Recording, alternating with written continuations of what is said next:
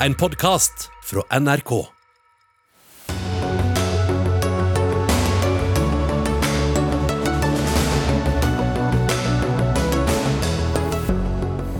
Regjeringspartiene kjemper i motvind på ny NRK-måling. Arbeiderpartiet og Senterpartiet ville bare fått en tredel av stortingsplassene dersom det var valg i dag. Senterpartilederen svarer på direkten. Politiet i London har skrevet ut 20 bøter etter de ulovlige festene som ble avholdt under de strengeste pandemitiltakene i Storbritannia. Partiene som tapte rusreformen i fjor, prøver seg på nytt i år og taper igjen.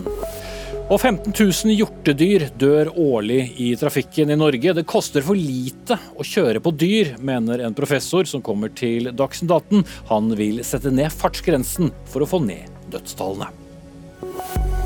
Ja, dette er eh, tirsdagens Dagsnytt 18 med Espen Aas, og i løpet av sendingen skal vi selvsagt også innom samtalene som har pågått i Tyrkia i dag mellom Russland og Ukraina. Men idet vår kjære vignett dundret av sted, la vi ut en helt fersk måling. Det er en eh, måling som dere som følger oss på fjernsyn kan se nå. Der ser dere resultatet og en pil som indikerer om det har vært en oppgang eller nedgang. For å få alle detaljer går du inn på nrk.no. Men det eh, denne mm, målingen viser, er at regjeringspartiene fortsatt sliter i motvind. En motvind som kanskje ville kommet ganske høyt opp på Beauforts vindskala. Målingen, som er utført av Norstat for NRK og Aftenposten, gir Arbeiderpartiet Arbeiderpartiet 20,9% oppslutning, Senterpartiet 8,5. Sammenligner vi de tallene med valget i fjor, har de to partiene gått tilbake henholdsvis 5,4 og 5 prosentpoeng. Høyre er landets klart største parti med 27,3% Det er den høyeste oppslutningen vi har på våre målinger siden valget. Alle partiene på Stortinget er også over sperregrensen på denne målingen. Eh, se som sagt på nrk.no for detaljene. Trygve Slagsvold Vedum, Senterpartileder, velkommen til Dagsnytt 18. Du har to dager med landsstyremøte bak deg, hvor også hva skal vi si, den manglende begeistringen for eh, Senterpartiet har eh, vært tema. Hva er forklaringen på at oppslutningen for ditt parti nærmer seg både SV og Rødt? Det her er ikke noen god måling for Senterpartiet. Men det er litt sånn underordna nå. Jobben nå er å styre Norge trygt. Gjøre grep for å styrke forsvar, sivil beredskap, matberedskapen. Men også det tryggheten for jobben til folk og tryggheten for økonomien til deg og meg. Så det er det som er hovedjobben. Og så vil målinger variere litt, men det er en krevende tid. Og da er det viktigste jobben for regjeringa og for meg som finansminister er å styre Norge trygt gjennom det her. sånn at når vi ser tilbake på de her krevende månedene som både Europa, verden og Norge er i. At vi kommer til å tenke at vi gjorde, vi gjorde grep, gjorde etisk rette valg som gjorde at Norge kom godt gjennom det, og at vi klarte å styre oss trygt igjennom. Mm. Samtidig så er det jo en indikasjon på om uh, folket mener at dere gjør en riktig jobb, og at dere tar uh, noen viktige grep. Så helt uh, ignorante kan dere vel ikke være for disse målingene? Nei, men det er, det er mye usikkerhet nå. Eh, men så, så må man sette ting litt i perspektiv. Altså når, vi, når Europa er, er, i krig, sånn som vi ser at de to største hærene i Europa er i krig med hverandre. Det er enorme svingninger i, i råvaremarkedene. Det er en stor flyktningstrøm. Så når vi kommer til å se tilbake på det her, så er det ikke målingene fra måned til måned som kommer til å være det avgjørende, det er de valgene vi har tatt. Hvordan skal vi klare å sørge for at vi, de ukrainerne som kommer til Norge, at vi får dem raskt inn i samfunnet. At vi skal gjøre det på en måte som gjør at vi ikke får store konflikter. Ofte blir det konflikt med folkevandring. Det må vi klare å gjøre nå på en måte som gjør at vi ikke får den type konflikter. Og så er det regjeringas klare mål at sjøl med de turbulente tidene, så skal folk med vanlige middels inntekter oppleve når de går ut av krisa, at ting har blitt litt bedre enn når de gikk inn. Mm. Så det er jobben vår. Styrke tryggheten, styrke beredskapen, og samtidig hele tida ha målet om at de som har vanlige middels inntekter, skal komme bedre ut når denne krisa en dag legger seg. Mm.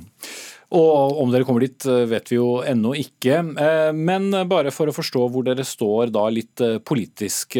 Fordi i går så gikk jo din mektige parlamentariske leder Marit Arnstad på talerstolen og, poengterte at hun må være åpen for å flytte litt på klimamålene. Samtidig har Jonas Gahr Støre sagt at klimamålene de står fast slik det står formulert i Hurdalsplattformen. Er du mest enig med din parlamentariske leder eller din statsminister?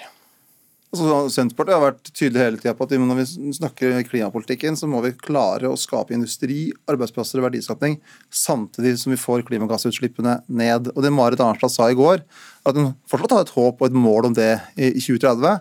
Men når vi skal elektrifisere sokkelen, så står det også i Hurdalsplattformen at det må gjøres på en måte som gjør at det ikke rammer industri på land.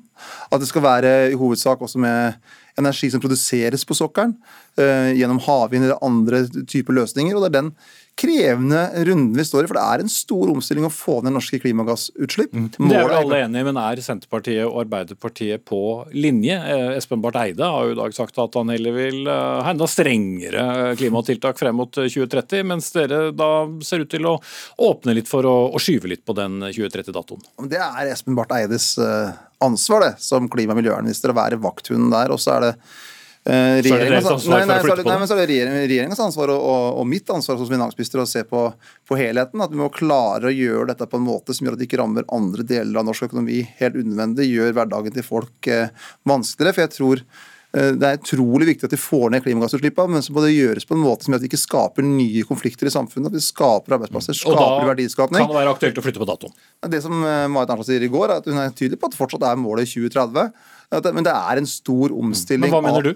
Altså, målsettingen står jo i, i Hurdalsplattformen at vi ønsker å nå de målene innenfor 2030. Men det å late som at det er enkelt, som på slagordpreg å si det her kommer til å skje uten noen krevende avveininger, det er feil. Og jeg tror det er viktig når man skal gjøre så store endringer, at man er åpne rundt de her krevende avveiningene det gjør. Og så er det viktig for, for oss som land at når vi skal klare eh, å få ned klimagassutslippene, så må vi også klare å skape ny industri, ny verdiskapning og velstandsvekst for folk. Og så er det mange som, spesielt på eh, de mest aktivistiske partiene, sånn som MDG eksempel, som har framstilt norsk olje- og gassnæring som et stort problem.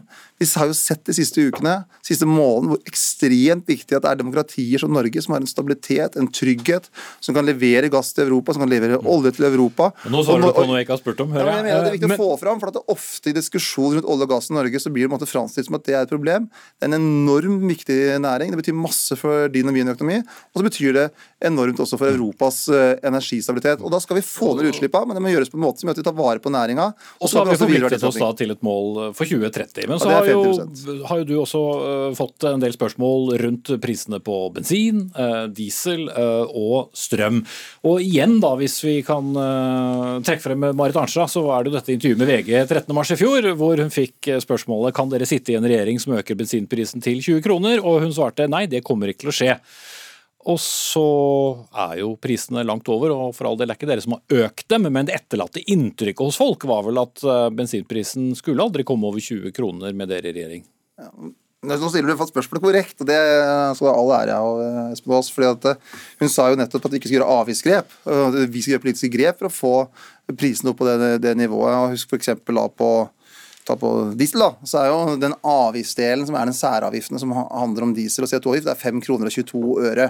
Mens dieselprisen bare med det avgiftsnivået som vi har nå, har jo variert fra 16 kroner eh, har jeg opplevd sjøl, til 28 på det aller høyeste. Så det, vært, så det er pga. den krigen som vi nå ser i Europa. Mm. Men, men kan det etterlatte inntrykket likevel ha vært at uh, dere ikke skulle se bensin og av dieselpriser gå over 20 kroner med en sånn uttalelse, og så er det jo ikke sånn i dag? Ja, men det var jo ingen, uh, ingen, selv ikke Marit Arnstad, som har innsikt i mye som kunne forutse den voldsomme angrepskrigen vi ser nå. Uh, og, da, og også er olje- og gassnæringa i Russland er stor. Russland er en stor dieselprodusent. Det er ekstreme svingninger nå. Men det som er viktig for regjeringa, er at de må ta trygge, gode økonomiske valg som gjør at din og min økonomi blir eh, trygg, og at den blir bedre framover. På andre siden av den krisa, for da ja, ja, men det var, det var tredje gang. Og så er vi da, når det gjelder da avgiftspolitikken, så har, vi, har regjeringa i sum eh, redusert avgiftene på strøm eh, og drivstoff. For det var også det vi sa i valget. Det har vi gjort, men så har det vært ekstreme andre utslag. Og så har vi også redusert skatten for folk som tjener under 750 000 kroner. Men oppslutningsmessig så ser det vel ut som ikke dette har uh, gått uh, helt hjem, for å si det sånn. Skal slippe å svare på, for jeg har allerede spurt deg om, så skal jeg takke deg av, uh, Senterpartileder og finansminister Trygve Slagsvold Vedum. For med 198 dager siden stortingsvalget og 167 dager siden regjeringen tiltrådte, så har altså målingene vært litt av en utforbakke for partiene.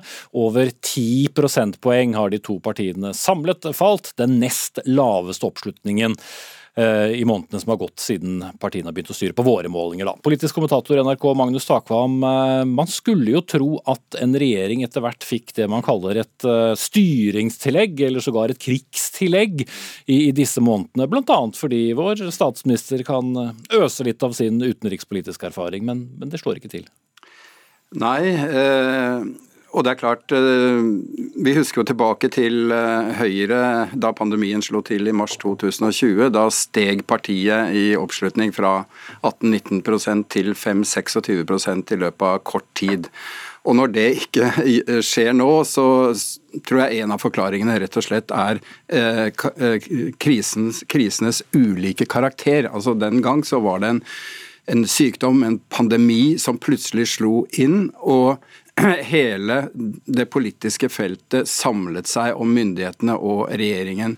Mens denne eh, regjeringens eh, krise er mye mer om ting som er tross alt politisk bestemt. Både eh, kraftmarked og nå etter hvert også Eh, økonomi og, og, og, slike ting. Slik at strømpriser, også eh, bensinpriser og, og, slike ting. Slik at uh, krisen har på en måte en helt annen karakter, og de blir også kritisert fra dag én. Det er ingen fredningstid for denne regjeringen, slik det var for Erna Solberg. Det er i hvert fall noe av, av det forskjellige bildet. Mm.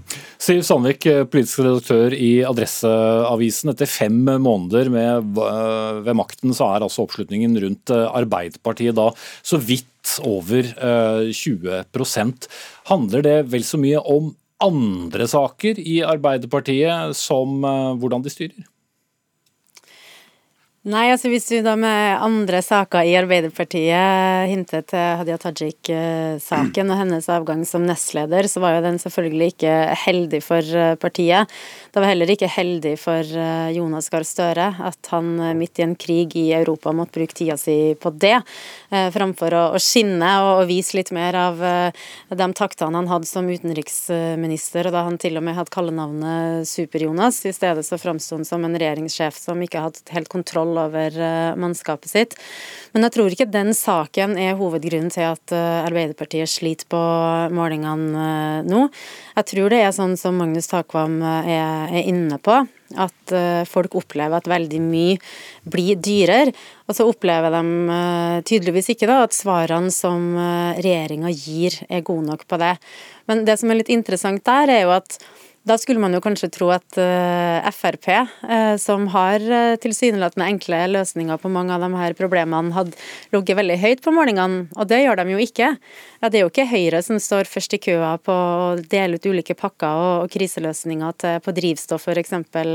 Heller. Så akkurat nå så syns jeg det er jeg er litt overraska faktisk over at eh, Arbeiderpartiet, med Jonas Gahr Støre, med den utenrikspolitiske erfaringa han har, ikke får eh, et større såkalt styringstillegg da, eh, nå under midt i en krig i Europa. Ja, Magnus, Høyre gjør det jo da soleklart best, og er jo det partiet med størst fremgang også på denne målingen. Men har de egentlig jobbet så hardt for denne gunsten? Nei, men det er klart, de har da eh, vokst opp mot eh, 26-27 som jo er meget bra. Eh, og en av grunnene er rett og slett at Høyre jo selvfølgelig nå framstår fristilt fra alt det som var krevende i en regjeringsposisjon, med samarbeidskonstellasjoner uh, osv., særlig uh, mot slutten, etter at pandemien hadde blitt mer politisert etter et års tid. Så nå er de på en måte rene og ranke og trygge, slik de framstår for mange velgere. Og det, I vår måling nå f.eks. så er det en betydelig overgang av tidligere Arbeiderparti-velgere til nettopp partiet Høyre. Så er det ett eh, poeng som jeg eh, en hypotese, nærmest, da, eh, når vi ser de siste målingene litt over tid, er at det kanskje er den nye normalen at også de større partiene må kjempe oppe med oppslutning på kanskje mellom 20 og opp mot 30% At den tiden er forbi da de større partiene, og kanskje særlig Arbeiderpartiet, som historisk har vært størst i, i, i Norge, kan regne med å være, ha en stabil oppslutning på, på pluss-minus 30% Sånn Det er en del av hverdagen å måtte kjempe for eh, velgerne eh, hver dag. Og også det at koalisjonene på hver side av streken spriker på mange viktige politikkområder som F.eks. klimapolitikken er, er, et eksempel på. Da, og, da, da, og Skulle Jonas Gahr Støre hatt eh, flertall med, med, dette, så måtte han hatt med seg absolutt alt han finner på venstresiden av, eh, av streken for å få et flertall. Det ville vært skjørt. Ja, det er klart. I denne målingen så har alle de såkalte sperregrensepartiene, som vi kalte dem en stund, eh, kommet over. Og MDG også er over sperregrensen nå, og gjør at de skal vi si, redder et teoretisk flertall for for eh, de som støtter Støre. Mm. Ja, eh, Bare for å presisere meg selv, alle partiene på Stortinget, unntatt da Pasientfokus, er eh, over sperregrensen. For de har ikke en, en egen måling da på, på, på, vår måling. Men Siv Sandvik forteller det også en historie om at partier som Kristelig Folkeparti, Venstre og MDG nå er blitt mer spiselig for velgerne igjen, etter at det har gått en viss tid fra, fra valget, hvor velgerne vendte tommelen ned. Nå kommer jo Venstre over sperregrensen, da, men ikke MDG og KrF. Ja, men eh, det viser først og fremst hvor eh, tilfeldig sperregrensa er. Eh, jeg ser jo nå på den serien Folkevalgt som går på NRK, der de har følger unge folk som stiller til valg. Og den, de scenene fra MDG-valgvaka når de akkurat innså at de ikke gikk over sperregrensa på 4% Det er jo, jeg tenker alle Nesten uavhengig av politisk ståsted, så kan det jo ikke noe annet enn å synes synd på de folkene. Og, det, og nå er de jo over, men de er jo det er jo en differanse på nå må jeg se her 0,3 prosentpoeng. Så det viser jo mer at sperregrensa er utrolig viktig valgdagen, men sier kanskje ikke så mye ellers om de går eh, noen prosentpoeng opp eller ned på målingene. Mm. Eh, Magnus Akvam, SV og Rødt eh, puster Senterpartiet i nakken etter hvert som, som, Senterpartiet faller litt etter litt, og det i en tid hvor det blir stilt en, en, en del spørsmål ved bl.a. partienes holdning til, til Nato. Men de ser ut til å holde seg relativt høyt likevel?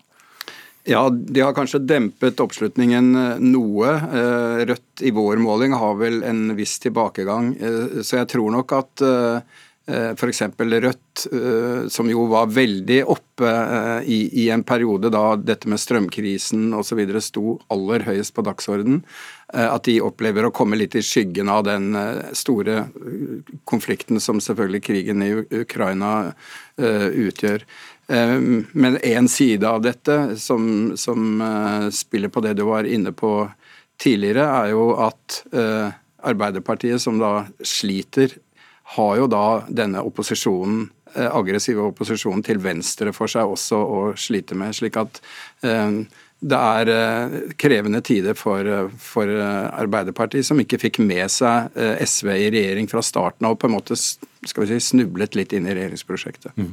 Og Som det har vært en del fokus på de siste dagene, Siv eh, Sandvik, så har eh, Marit Arnstad og for så vidt da Trygve Slagsvold Vedum i, i studio her også eh, eh, sagt at disse klimamålene til, til, Norge i 2030 må ses litt an, mens da både statsminister Jonas Gahr Støre og klimaminister Espen Barth Eide på den annen side har sagt at disse står fast. og Det forteller vel også sin historie om en regjering som ikke er ja, helt samstemt?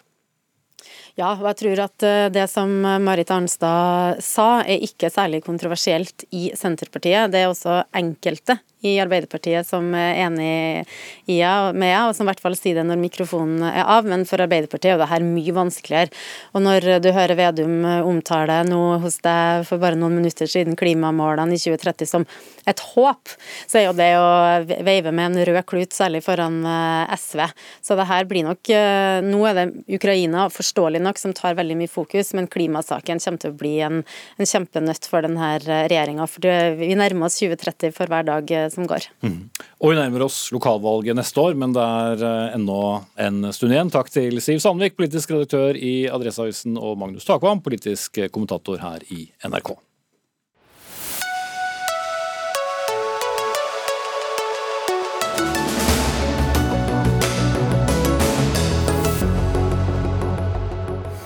Litt senere i Dagsnytt 18 skal vi snakke om samtalene som har pågått i Tyrkia i dag mellom Ukraina og Russland, hvor vi har med oss eh, våre folk både i eh, Ukraina og Russland, samt eksperter i studio. Men først. Politiet i London minnet i dag mange briter eh, på episoden eh, med de ulovlige festene i statsministerboligen under de strenge koronatiltakene. For mens eh, vanlige folk fikk beskjed om å holde seg hjemme og ikke møtes, skal både statsminister Boris Johnson og flere fra hans stab avholdt flere fester, stikke strid med restriksjonene. Og i dag kom meldingene om at politiet i London iallfall skal dele ut opp mot 20 20 bøter. Eh, London-korrespondent Gry Blekastad Almås, eh, vet vi noe om hvem som bøtelegges? Nei, det vet vi ikke. 20 bøter skal være utstedt til eh, ansatte eh, i Downing Street eh, som da har deltatt på disse arrangementene det er snakk om. Men vi vet ikke hvem. Det eneste vi vet er at Downing Street nummer 10 har sagt at dersom Boris Johnson er blant de som får bøter, så skal de offentliggjøre det. Og innen normalarbeidstidens slutt i dag, så har ikke Boris Johnson fått noen bot fra politiet. Men det er klart at når når 20 stykker blir bøtelagt, så er det en bekreftelse på at det har foregått ulovligheter i eh, Downing Street. Og det er jo ikke noe som ser bra ut for Boris Johnson uansett. Og I de siste ukene har jo Boris Johnson for det meste vært å se på den internasjonale scenen. Det har handlet om eh, Ukraina-krigen, men eh, dette ble altså en litt vond påminnelse om fester han selv skal ha deltatt på i mai og juni og desember 2020. Hvordan stiller statsministeren til seg til, og, og kanskje i alle fall være en av de som ender opp med en bot. Eh, Downing Street eh, sier ikke noe annet enn akkurat eh, det jeg refererte, nemlig at de kommer til å offentliggjøre det dersom man er blant de som blir bøtelagt. 20 bøter i dag er første runde, det kan bli flere. Det var jo over 100 stykker som fikk et spørreskjema fra politiet. Det var også et skriftlig avhør, et spørreskjema som skulle fylles ut. Over 100 personer har gjort det, og nå i første omgang så er det 20 stykker som er, er bøtelagt for det. Men Ukraina-krigen kom jo jo eh, sånn sett beleilig, hvis man kan si det sånn, da, politisk sett for Boris Johnson. Fordi eh, denne Partygate raste jo eh, voldsomt fram til krigens eh, utbrudd. Her er det blitt eh, snakket om at Ukraina-krigen er for Boris Johnson det Falklandskrigen var for Margaret Thatcher. Eh, altså en sak som styrket henne på den politiske scene. spørsmålet er jo selvfølgelig hvor lenge dette Partygate vil eh, glemmes, eller i hvert fall vurderes som mindre viktig eh, i britisk politikk. Vi hører jo i dag opposisjonen komme ut og si at det blir feil dersom Boris Johnson eh, skal kunne bruke dyre advokater og, og nærmest kjøpe seg fri fra en sånn type sak. Selv om han nå kanskje ikke er blant de som har fått bøter, så er det han som har vært ansvarlig for hvordan Downing Street har vært drevet. Så det er klart at nå er saken oppe på agendaen igjen, og trøkket mot Boris Johnson er sterkere enn det har vært de siste ukene. Hva skjer da med de som etter hvert vil være mottakere av eh, disse 20 bøtene som da er i, i sirkulasjon? Ja, de må betale denne bota innen 28 dager. Eh, og hvis de ønsker å anke, så får de eh, saken behandlet eh, på nytt. Men hvis de betaler boten, så går ikke dette noe videre i rettssystemet. Det blir heller ikke noe de får på rullebladet. Så da er saken fra politiets side opp og avgjort. Men så er det selvfølgelig den politiske oppvasken og debatten etterpå som kommer til å bli kanskje det viktigste. Takk skal du ha, Gry Blekastad Almås, med oss direkte fra London.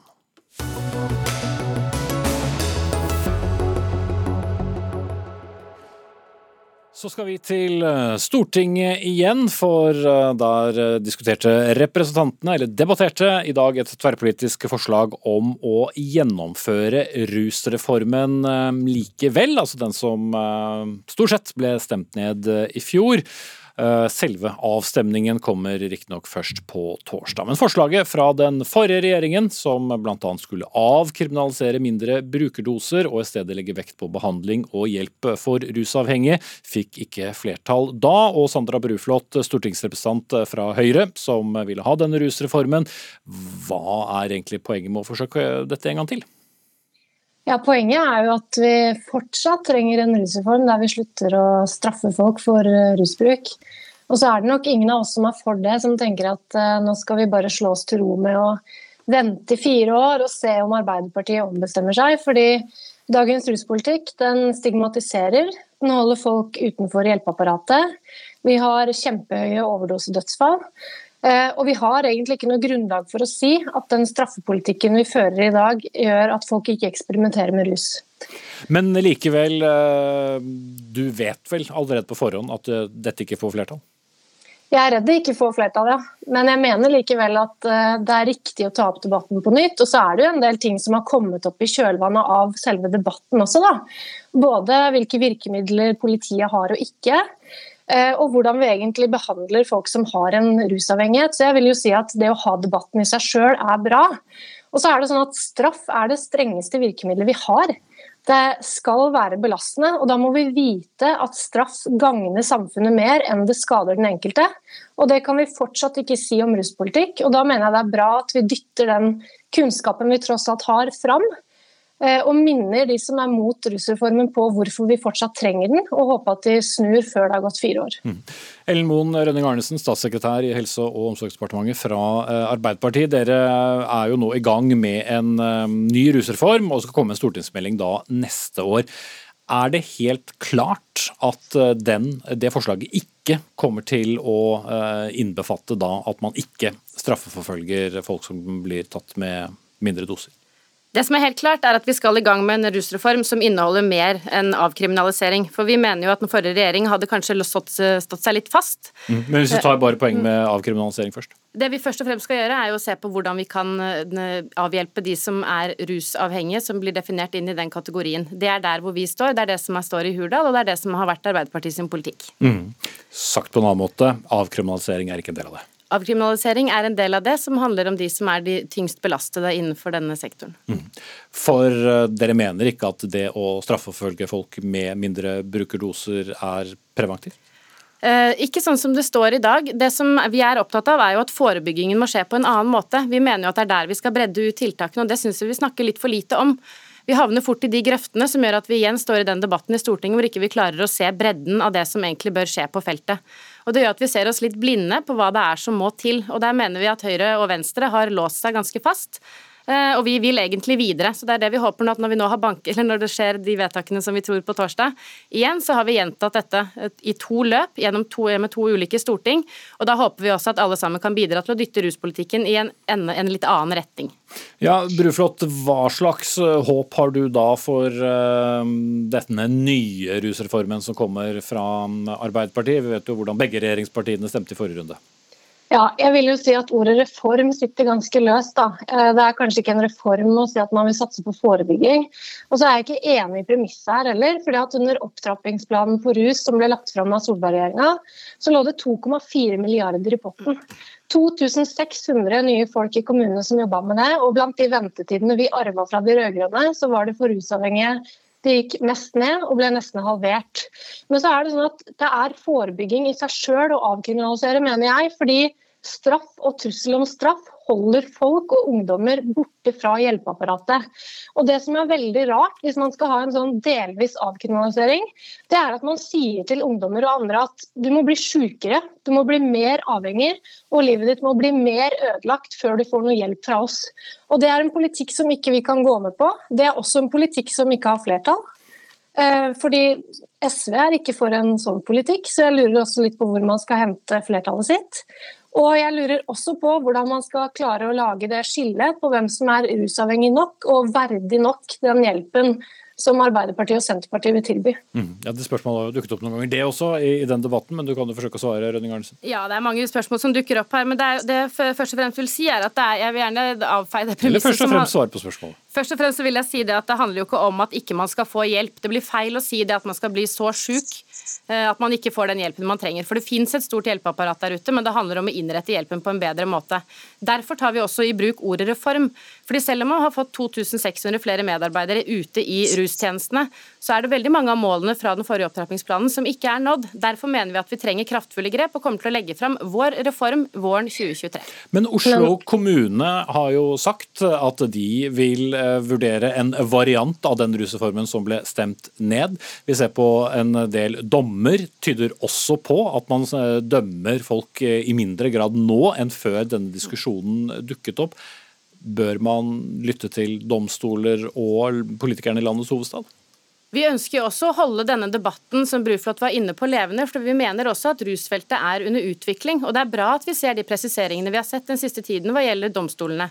Og så er det jo også sånn at de, de, grepene som Oslo kommune gjør, de er jo fortsatt innenfor de rammene som vi har for dagens ruspolitikk. Vi ønsker jo også at de skal prøve ut det som de kan innenfor dagens regelverk, og vi mener at man da kommer i bedre posisjon også til å hjelpe de som trenger det. Både barn, unge og de som også har kommet lenger i sin rusmiddelavhengighet. Bruflot.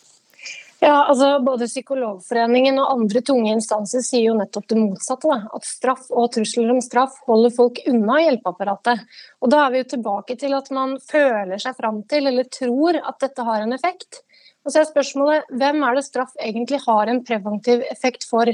Fordi den gruppa som har psykiske lidelser, har opplevd traumer, er litt utafor, selvmedisinerer, bruker rus som en sånn flukt fra virkeligheten, de blir ikke eh, avskrekket av en straff.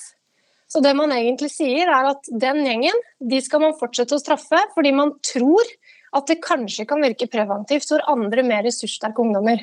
Og Sånn går det ikke an å holde på. Vi kan ikke basere politikken vår på det. Og Det er riktig at ruspolitikken er i endring. Arbeiderpartiet var jo for det samme som oss for to år siden.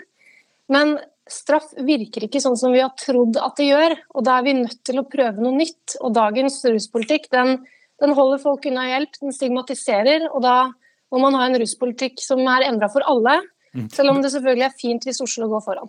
Men er dere for opptatt av akkurat det spørsmålet, Bruflot, som da uh, var oppe i fjor, og som har kommet opp uh, nå igjen? Og signalene er at dette får dere ikke flertall om. Kan man se annerledes på det og se forbi poenget med eh, avkriminalisering? Nei, jeg mener ikke man kan det. Og både brukerorganisasjonene og de partiene som er for rusreformen har vært veldig tydelige. Man vil ha en avkriminalisering for alle. Nå har domstolene gått foran, og jeg tror alle er veldig enige om at for rusavhengige så har straff veldig lite effekt, fordi du kan ikke straffe noen ut av avhengighet. Men det har ikke den effekten man har trodd overfor ungdommer eller nye brukere eller andre heller. Og så er det ingen motsetning altså, mellom å både gjøre behandlingstilbud bedre, forebygge bedre, men også avkriminalisere. Det må være mulig å gjøre begge deler. Mm. Det dør omtrent jeg bare avbryte, Bruflot, det dør omtrent 260 personer hvert år i Norge av overdose. Rønning Arnesen. Kan det tenkes at frykten for straff dytter folk enda lenger unna hjelpeapparatet? Det er jo det vi prøver å motvirke også, ved å sette hjelpeapparatet bedre i stand til å hjelpe de som trenger det. Og Vi er jo også klar over det at eh, straff kan støte folk fra, men det er jo derfor vi nettopp er nødt til å jobbe annerledes ute i tjenesten også. Det handler jo om å gi tillit, ha flere personer på plass, noen som er tidlig nok ute til å hjelpe med det som man trenger hjelp med. Vi vet jo også at rus ofte er et symptom på noe annet, så det gjelder jo også å komme i god posisjon til å kunne forebygge på et tidlig nok tidspunkt. Okay. Og så er det jo også sånn at Kunnskapsgrunnlaget fra den NOU-en som ble lagt fram, vi vet jo ikke hvordan det ville fungert i en norsk kontekst, så vi mener at vi må gå de små skritts vei for å kunne klare å møte og hjelpe folk på en riktig måte. Veldig mange følger i hvert fall med på det. Eh, votering på saken blir altså på torsdag. Ellen Moen Rønning Arnesen, statssekretær i Helse- og omsorgsdepartementet fra Arbeiderpartiet. Sander Bruflot, stortingsrepresentant fra Høyre. Takk skal dere ha.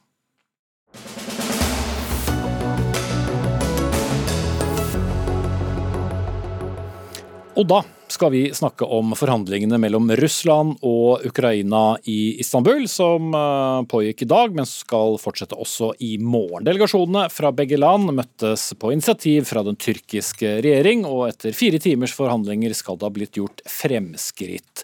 Morten Jentoft, du er eh, reporter i Vi går til Jan Espen Kruse først, eh, vår korrespondent i Moskva. En ukrainsk mekler har sagt at det altså har blitt gjort fremskritt under disse disse forhandlingene. Er det også historien som fortelles eh, i Russland?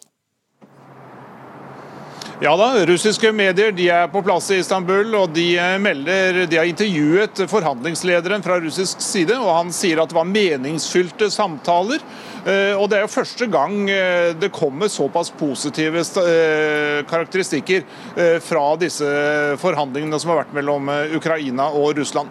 Men fra russisk side blir det også understreket at dette er ikke en våpenhvile. Det er langt igjen til det, så det er mye som gjenstår, understrekes det fra russiske myndigheter. Disse forhandlingene pågår altså i Istanbul, langt unna Vinica i eh, Ukraina, der eh, du befinner deg i nærheten av. Morten Jentoft, reporter i Ukraina. Hvordan eh, er forholdene der? Ja, jeg har kjørt nå eh, flere hundre kilometer gjennom det sentrale Ukraina, og det er jo en helt eh, spesiell stemning her.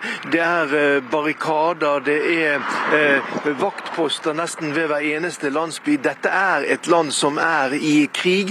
Store plakater forteller at vi skal slåss for å forsvare Ukrainas helhet. På radioen så snakker de hele tiden om død over fienden. Selvfølgelig så følger man også her veldig nøye med på det som har skjedd i Istanbul i dag. Eh, det gir jo et lite fredshåp, men eh, samtidig så er man ganske realistisk her. Dette kommer til å ta tid, tror nok eh, mange her. Mm. Jan Espen Kruse i Moskva Russland har også sagt i dag at de vil trappe drastisk ned på angrepene, noe som har ført til store fall i oljeprisen, bl.a. fordi markedet tror at krigshandlingene vil avta noe. Men trappe drastisk ned, hva kan, hva kan ligge i dette? Ja, det, det russiske forsvarsdepartementet sier, er at man skal eh, trappe kraftig ned på eh, krigføringen rundt eh, hovedstaden Kiev og en by lenger nord på grensa mot Hviterussland og, og Russland. Ehm, det eh, vet vi jo ikke hva kommer til å bety i praksis. Fra vestlig side er det mange som sier at vel, russerne sier én ting, så får vi se hva de gjør i virkeligheten. Eh, og det er vel eh, en, en, en posisjon som mange, i hvert fall fra vestlig side, har. Samtidig så sier de russiske lederne at de skal fortsette å gjennomføre denne, det de kaller den militære offensiven i Øst-Ukraina, i Donbas-området. Og Det vil jo i praksis si at krigen kommer til å fortsette der. Og, og, da, da, og Det er heller ikke sagt noe spesielt om eh, andre store byer som er omringet og som blir bombardert av russiske styrker, hva som skal skje med dem. Sånn at Det er eh, mange mange spørsmål og veldig mye uklarhet rundt hva som kommer til å skje på bakken. Men etter hvert som det forhandles da i Istanbul, og dette skal fortsette i morgen, eh, Jan Espen Kruse, så eh, kan det vel kanskje også nærme seg mer et toppmøte mellom da Zelenskyj og Putin eh, enn i hvert fall status har vært så langt. Vet vi noe mer om når et slikt toppmøte eventuelt kan finne sted, og hva som skal til? Nei, Vi vet ikke riktig når. Det som blir understreket i dag, er at eh, først må det en våpenhvile på plass. Så må det en fredsavtale på plass. Den må godkjennes av eh, begge utenriksministrene, altså i Russland og Ukraina. Og først etterpå det så kan det være snakk om et uh, toppmøte mellom presidentene Zelenskyj og, og, Putin. Men det at russerne for første gang holder døra på gløtt for et slikt møte, det er noe nytt, og det viser at det, det sannsynligvis er noe som skjer. Det er en ny vending i eh, denne krigføringen. Morten eh, Jentoft, bl.a. skal da Ukraina være villig til å akseptere en såkalt nøytral status hvis et nytt system for sikkerhetsgarantier skal eh, fungere.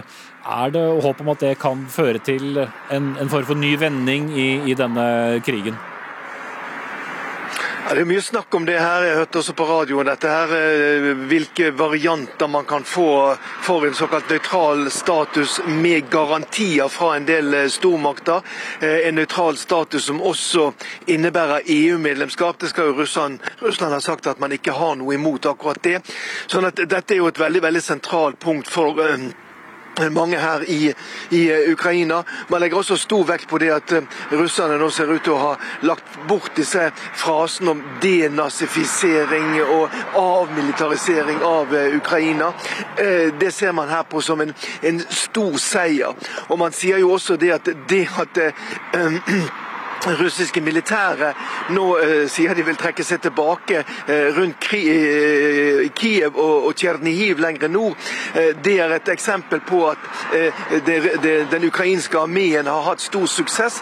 For det er jo nettopp i disse områdene her man har tilført det russiske forsvaret eh, enorme tap. sånn at man ser på dette som en, en, en delmilitær seier, selv om det selvfølgelig på andre frontavsnitt er mye mer uklart hva som kommer til å bli blir resultatet av denne krigen. Da sier vi takk til Morten Jentoft i Ukraina og Jan Espen Kruse i Moskva. Det kommer mer fra dere i Dagsrevyen på NRK1 om 20 minutter. Ingrid Marie Oppdal, du er førsteamanuensis og leder for Senter for sikkerhetspolitikk ved Institutt for forsvarsstudier. Hvis vi tar opp dette med lovnadene fra, fra Russland da, om såkalt drastisk redusere angrepene, hvor mye lit setter du til disse uttalelsene? Ja, nei, så, Som eh, korrespondentene sier her, det, det, gjenstår jo å se eh, hva, som, hva, som, vil skje med det. Eh, og Så er det jo også noe med eh, dynamikken, eh, hva som skjer på bakken, og hva som da eventuelt vil skje videre i fredsforhandlinger. Det, det, er klart det at, at, Russland kan ha mye å vinne på å holde presset oppe eh, og bli stående, selv om, selv om selve nivået på angrepene, intensiteten, reduseres. Så, så, så det, det, vil fremtiden vise, rett og slett. Mm. Og Vi nærmer oss nå fem uker eh, siden invasjonen eh, startet. Eh, det iallfall at det kommer antydninger eh, om at angrepene skal eh, avta noe, forteller det også en historie om at russiske eh, styrker og russiske lederskapet trenger en annen strategi? Ja, ja. fordi at de, de, det, er, det, det, er, mye som, som har, ikke har gått deres vei her. de har ikke oppnådd sin plan A. og eh, Det som, som, nå har skjedd de siste ukene, er jo at dette mer og mer har tatt eh, eh, anstrøk av å gå inn i en utmattelseskrig. Altså at, at eh, man opprettholder litt press, men at det egentlig ikke er så store bevegelser. Mm. Eh, og, det, og det, eh, den der utmattelsen, den, den, vil jo gjelde begge sider, da, selv om, selv om det er tydelig at eh, Russland nådde et, et, punkt hvor det ikke var mulig å komme lenger, spesielt i, i nord, da, ganske raskt.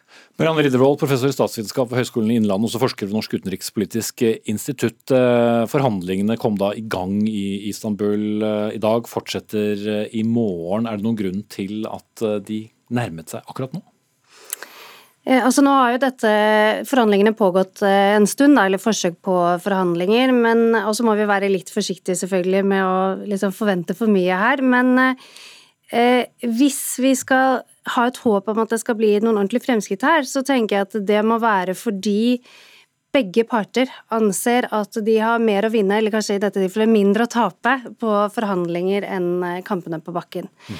Og, tror, og, det som vel er først og fremst på bordet nå, er jo en sånn forhandling om noen sånne humanitære korridorer, også, men som korrespondentene sa, så er det jo også i hvert fall noen tegn på, eh, eller noen positive tegn på at man går videre i forhold til en fredsavtale også.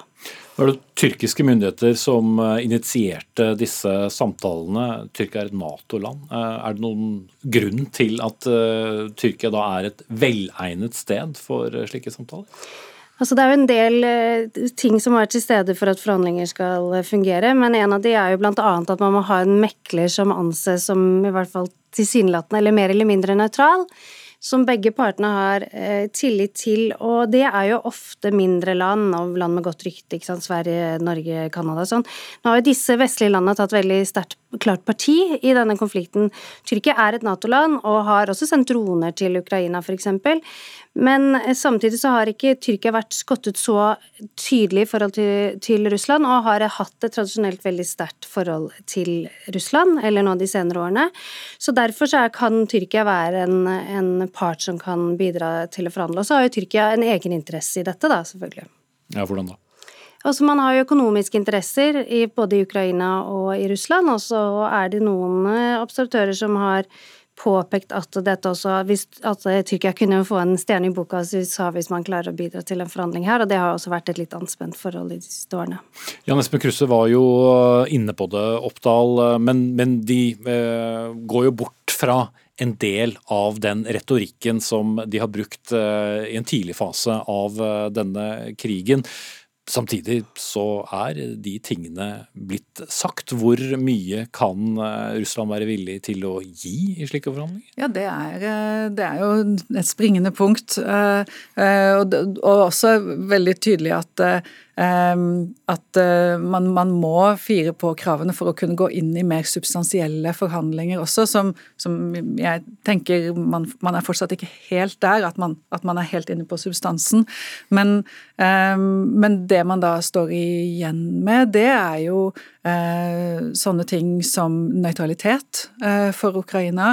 Jeg tenker nok at også en løsningen for Krim, eller det at Krim skal være Og også de utbrytter, såkalt ja, ja, ja. utbryterregionene? Ja, og også, også eh, de såkalte folkerepublikkene i Donetsk og Lugansk. Eh, men, men eh, det kan nok være forskjellige punkter, men at de eh, det, det, er nok de viktige tingene på listen. At man, at man tar en eller annen løsning for Ukraina som, som nøytralt og ikke Nato-medlem, eh, og hvor, med garantier for det eh, en ting er ukrainske sikkerhetsgarantier, men, men at, at, Russland også eh, da eh, har en eller annen form for garanti der. Eh, også, også Krim-status, også Donetsk og Lugansk. Ja. Mm. Riddervold, samtidig så har vi jo da stadig økende andel av det ukrainske folket på flukt på vei inn i Europa til mange europeiske land. Vi har hatt en ganske hard vestlig retorikk også overfor uh, Russland, men nå snakker man om flere uh, korridorer er også den uh, veldig vanskelige humanitære situasjonen også med på å hva skal vi si, få vestlige land til å være mer positivt innstilt på, på innrømmelser overfor Russland? Altså, den humanitære situasjonen og menneskerettighetssituasjonen tror jeg er, har stor betydning her, men jeg tror at eh, Vesten hadde tatt dette standpunktet også eh, om man hadde hatt færre flyktninger som kom. Altså, men det i seg selv at man tar imot disse flyktningene med åpne armer, også viser jo litt av hvor alvorlig man ser på denne situasjonen, og hvor prinsipielt eh, vanskelig den er. Og man også eh, at man tar på seg, tross at disse sanksjonene som innføres, koster jo EU-landene, for det er jo EU som gjør dette, enormt mye. ikke sant? Det koster befolkningen, koster jo oss vår, i hverdagen mye penger. sånn at det, her har man på en måte så klare folkerettsbrudd og så klare brudd mot internasjonal rett at her er jo Vesten villig til å til å bidra på et vis uansett, og fortsette å presse Russland. Og der kan jo også Vesten spille en rolle, direkte rolle for så vidt i forhandlingene, og indirekte fordi vi vet at det er viktige forhandlinger da, fra forskning, er jo på en måte at man Begge partene må jo selvfølgelig være villige til å forhandle, de må være villige til å gjøre innrømmelser, og så må man ha en viss form for tillit. Mm. Og så har det jo vært eh, disse mm, spekulasjonene om da forgiftning, og at delegater eh, får beskjed om at de ikke bør, bør drikke av glassene osv. Det forteller vel også sin historie om hva skal vi si, manglende tillit eh, partene, gjennom, partene imellom før de setter seg ved bordet. Absolutt, det er akkurat det det gjør. At man, det er så lav tillit mellom partene nå, og det er jo derfor man leter etter Eh, alternative løsninger. ikke sant? Har, det er ikke tillit mellom partene, så man kan ikke nå sånn som det er nå stole på at den andre parten faktisk, eller i hvert fall Russland, oppfyller sin del av avtalen. Da leter man etter for, eh, ting som kan kompensere for den manglende tilliten, sånn f.eks. For i forhold til denne debatten om om det skal være noen land som garanterer ukrainsk sikkerhet hvis man går med på nøytralitet. Mm. Ja, Oppdal, Ukrainas utenriksminister har også vært veldig opptatt av at han vil ikke høre noe eh, det han kaller for russisk propaganda uh, under uh, disse samtalene. Ganske sånn klar melding om at nå må det forhandles om de reelle tingene. Ja, ja. Og det, det, det, er jo en kjent sak at, at man i forhandlinger med Russland ofte får høre veldig mye om Russlands posisjoner og bakgrunnen for det. Eh, og, og hvis, altså, det sier jo seg selv da, at det, det, det, er ikke med på å skape et godt rom for, for å faktisk komme til, til substansen og til, til, det man eh, eventuelt ønsker å, å oppnå. Da. Mm. Men det er en del av den russiske, russiske, taktikken, rett og slett? Ja, en del av den diplomatiske stilen, ja. Mm. Zelenskyj, eh, Ukrainas president, skal tale til Stortinget i morgen klokken 14. Takk skal dere ha, Marianne Riddervold, professor i statsvitenskap ved Høgskolen i Innlandet og forsker ved Norsk utenrikspolitisk institutt, og Ingrid Marie Oppdal, førsteamanuensis og leder for Senter for sikkerhetspolitikk ved Institutt for forsvarsstudier.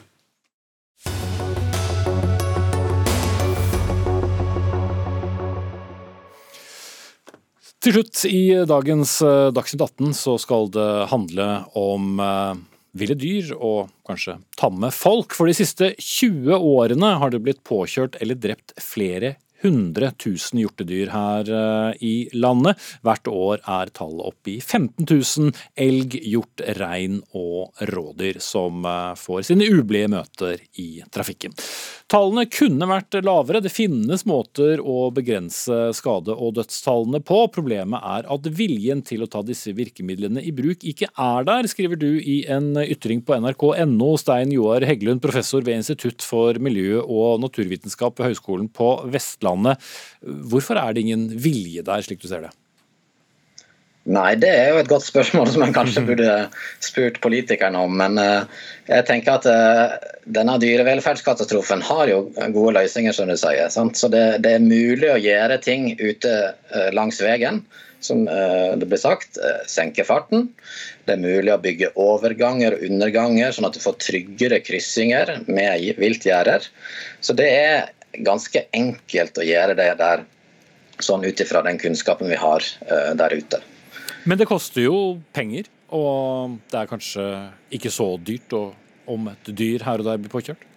Nei, sant? og det er jo eh, hvem er det som bærer kostnadene for dette her? Det er den ene tingen, sant? og det er der politikerne kommer inn.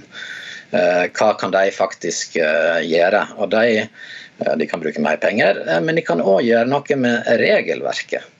For det regelverket er sånn at eh, kostnadene for eh, eh, en påkjørsel av en hjort eller en elg, den blir ofte lagt ut i det lokale. Sånn at grunneiere, kommuner, for den saks skyld forsikringstakere og forsikringsselskapene, er de som tar kostnadene, mens veieier, stat og fylke tar lite av kostnaden. Så det, det, er en ting politikerne kan endre på, ved, uh, som da vil endre insentivene for å, for å, gjøre noe med dette. her. Nå har du nevnt ordet politiker såpass mange ganger at jeg venner meg til Odd Steinar Roffar Wiseth. Du er statssekretær i Samferdselsdepartementet fra Arbeiderpartiet. Har man tatt godt nok grep for å begrense død i, i trafikken for dyr, når vi ser på tall opp mot 15 000 i året? Kan vel ikke si at uh, man har det når, når, det, når tallene er så store. Samtidig så finnes det jo en del uh, positive uh, erfaringer, altså vellykka tiltak. jeg kjenner jo spesielt godt til hva man har gjort på, på Nordlandsbanen, der det har vært bruka godt over 100 millioner på inngjerding av, av linjer i samarbeid med reindriftsnæringa. Her snakker vi jo mye om biltrafikk, da. Ja da, men eh, situasjonen og virkemidler er nok mye det samme. Viltgjerdet er nok eh, det, det best, mest velfungerende tiltaket både på vei og, eh, og på bane. Men det er klart Hvis man vet det, hvorfor gjør man det ikke da? Det har jo selvsagt med, med penger å gjøre, men det har òg med, med, barrierer å, å gjøre. Fordi at det, det, noe, det, har ikke vært noen enkel prosess f.eks. igjen da på, på, på Nordlandsbanen å finne på en måte å gjøre det på som som reindriftsnæringa er enig i, og som gjør at òg eh, dyra får vandre fritt, slik som de også, også må. Så det, det, er noen dilemmaer her. Mm. Men, ja, vi, kan vel ikke sette, vi kan vel ikke gjerde inn enhver eh, motorvei her i landet, Heggelund, i, i, i tilfelle det skulle komme et, et rådyr eller en hjort eller hva som helst ut i veien? Nei, og det, det, er jo klart det er utfordringen. Uh, uten å gå altfor mye i detaljer, så er det noen veier der en bør, og baner der en bør ha overganger og underganger, altså trygge eh, viltpassasjer, og så med disse viltgjerdene som leder dit. Men veldig mange veier er jo ikke der fordi det er ikke nok trafikk, og sånn, men det er likevel mange påkjørsler fordi det er mye vilt der. Og Da kan f.eks. det med å senke fartsgrensen være en uh, ting. da. hvor, hvor mye må fartsgrensen ned da for at det skal ha en, eh, en virkning? Nei, Det kommer jo litt an på vei, veistandard og sånne ting. men men uh, det er jo forskning f.eks. For fra Sverige som allerede har vært kjent i nesten 20 år, der en ser at hvis en har en 70 km vei, så er det bare en femtedel av påkjørslene på en, fra en 90 km vei. Sånn at Litt må til, men det kan skje i de mørke timene på vinteren, for det er da disse påkjørslene skjer. Sånn at det, det er mulig å gjøre dette ganske skal jeg si, smooth. Som ikke har altfor store konsekvenser for folk, men det tar litt lengre tid å komme fram da. Så er det vel heller ikke så populært uh, hos bilister å sette ned fartsgrensene, Viseth? Eh, nei, nå har vi jo hatt uh, en, en, debatt de siste ukene om, uh, om fartsgrenser her offentlig. Og, og, samferdselsministeren har jo signalisert at, at nå skal fartsgrensene på de, de, nye motorveiene vurderes. Og så er det jo rett som Heggeland sier, at at med en 10% reduksjon av farta, så regna man med at man kunne halvert antall viltpåkjørsler. Det er jo et dramatisk grep og, litt sånn sjablongmessig utregning fra Statens vegvesen, det, men, men det, det, er noe viktig i det. Og, og Derfor så har jo nå, det har jeg fått hørt i dag, at Statens vegvesen nå faktisk vil prøve ut periodevis redusert fart i perioder med, med stor viltaktivitet. På utvalgte strekninger. Der, igjen, der, der påkjørsler har vært et stort problem. Da. Men da som et prøvetiltak som kan lede til noe permanent? Ja, det, det, er jo litt teknologi eh, innblanda i en del av det arbeidet som nå, nå blir gjort. og, og F.eks. så opererer man jo med eh, eller så er det et, et forsøk eh, knytta til GPS-merking av, av rein. og Eh, en, en, god del overvåkning da, eh, igjen da på Nordlandsbanen. og det, det, er mange ting det går an å, å, gjøre, og det er et uh, utrolig viktig tema som Heggeland eh, reiser her. Mm. Eller Heggelund. Hvor, hvor, enkelt er det å, å, skaffe seg oversikt over områdene der nettopp hjortedyr og andre dyr da, som, som bøter med livet i trafikken befinner seg, og, og målrette disse tiltakene? Nei, det er, det er, faktisk uh, online hele tiden, så du kan gå og sjekke etterpå, uh, faktisk, Espen. Og det er registrert av kommuner og politi, sånn at disse tallene som jeg har, da, 15 000 hjortedyr, er rett nok påkjørt og ikke nødvendigvis alltid døde, men de dør jo stort sett til slutt. Så er det henta fra den databasen. Og Da kan en faktisk gå inn og kikke på kartet der en kjører daglig, og finne ut hvor er det større risiko, og kanskje til og med redusere farten på den måten. Så kan jeg ikke forvente at alle gjør det, og det er derfor vi trenger politikere som eh, lager gode tiltak eller rammer for at vi har, eh, vi har et regelverk som fungerer, og vi har ressurser. Det, det må jo ganske mye ressurser til, det skal vi innrømme. Sant? Så det må en prioritering bort fra eh, vei og fart, og for eh, dyrevelferd og eh, natur, egentlig. da. Og, og, det kan jo være på vei uh, viset, men uh, man kan jo stille spørsmålet hvorfor uh, dette skal ta så lang tid, når vi har sett disse skade- og dødstallene over så mange år? Ja, Det er jo knallharde prioriteringer innenfor samferdselssektoren. og Det er jo ikke noe som tyder på at de prioriteringene skal skal bli enklere i, i månedene og åra som, som kommer. Eh, nå er det jo òg eh, igangsatt fra eh, Støre-regjeringa et, et, arbeid for å se på, på veinormalene.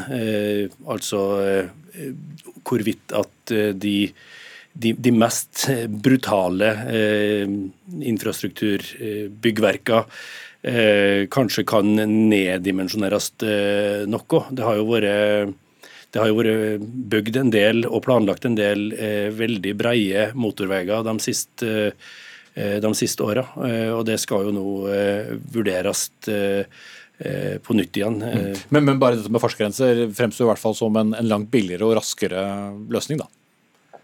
Ja, det, det, det og det er da Vegvesenet i gang med på å prøve ut som sagt, på utvalgte strekninger. Det er ikke bare, det er ikke bare ei strekning, men, men flere. Mm. Får det deg til å føle deg litt mer overbevist om at noe kan skje, Heggeland, eller er det um, slike lovnader, lovnader du har hørt før? Ja, så jeg, jeg tenker det, Her må det virkelig politisk vilje til. Jeg må liksom tenke at det, ok, tenke, Kom igjen med en nullvisjon. Altså, vi skal utradere problemet, akkurat som med påkjørsler av folk. og Da har vi fått et sånn type arbeid for det. Det må virkelig prioriteres. Sant? Og så eh, kan en tenke seg at eh, eh, for å få til dette her, så må en bruke penger og en må gjøre noe med regelverk. Og Det er det politikerne gjør. De sier okay. de har en vilje, og de har penger til eller, og regelverk. til. Stein Joar Heggeland og Odd Einar Steinar Offar Wiseth, takk skal dere ha begge to. Vi er ved veis ende. Sara Victoria Rygg var ansvarlig for sendingen. Lisbeth Sellereite tok seg av det tekniske. Jeg heter Espen Aas.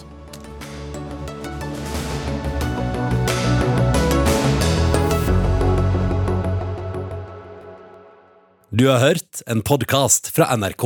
Hør flere podkaster og din favorittkanal i appen NRK Radio.